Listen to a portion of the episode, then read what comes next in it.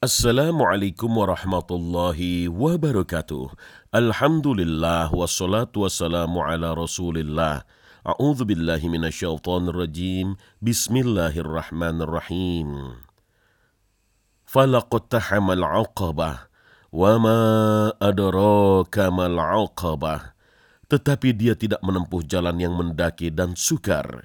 Dan tahukah kamu apakah jalan yang mendaki dan sukar itu?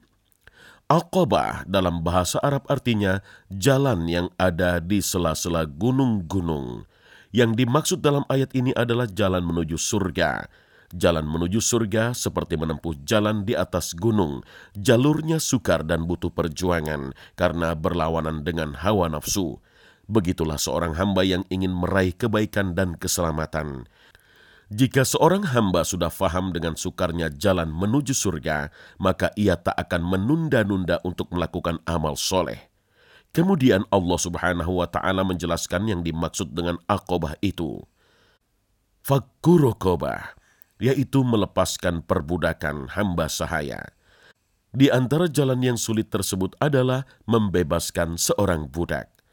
Islam adalah agama yang menganjurkan untuk membebaskan budak tidak seperti yang dituduhkan bahwa Islam adalah agama yang menganjurkan memperbudak.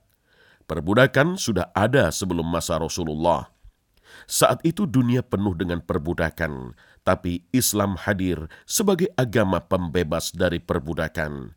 Rasulullah Shallallahu Alaihi Wasallam bersabda, Barang siapa memerdekakan hamba sahaya yang beriman, maka Allah akan membebaskan setiap anggota tubuhnya dari api neraka dengan setiap anggota tubuh hamba sahaya yang dimerdekakannya. Sehingga dia membebaskan tangan dengan tangan, kaki dengan kaki, dan kemaluan dengan kemaluan. Hadis riwayat Ahmad.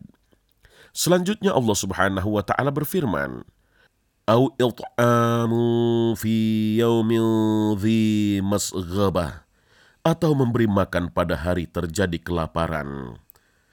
Yatiman za maqarabah kepada anak yatim yang ada hubungan kerabat. Anak yatim adalah anak yang belum balik namun ayahnya telah meninggal dunia. Memberi makan anak yatim yang memiliki hubungan kekerabatan lebih utama daripada anak yatim yang tidak ada hubungan kekerabatan. Karena berinfak kepada kerabat pahalanya lebih besar, yaitu pahala infak dan pahala silaturahmi. Ibnu Abbas radhiyallahu anhu dalam menafsirkan ayat ini menjelaskan dengan sabda Nabi Shallallahu alaihi wasallam. Bersodakoh kepada orang miskin mendapat satu pahala sodakoh, dan bersodakoh kepada sanak famili mendapat dua pahala, yaitu pahala sodakoh dan pahala menyambung tali silaturahim. Hadis riwayat Tirmizi dan Nasai. Karena itu, dalam bersedekah, lihatlah keluarga terdekat kita. Apakah masih banyak yang membutuhkan urunan tangan kita? Mereka lebih berhak mendapat kebaikan dari kita. Au miskina dha matsrobah, atau orang miskin yang sangat fakir. Matsrobah berasal dari kata turob yang artinya tanah disebut memiliki tanah karena saking miskinnya ia seakan-akan tidak memiliki apa-apa kecuali hanya tanah yang dimilikinya atau saking miskinnya ia seakan-akan menempel di tanah. Ibnu Abbas radhiyallahu anhu menafsirkan ayat ini.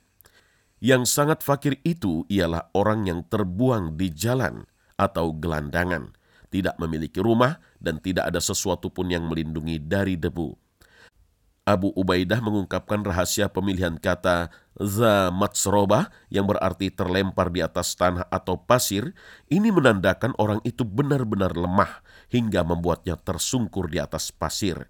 Tak ada yang menahan badannya karena sangat lapar dan lemah. Pahala sedekah bertingkat-tingkat.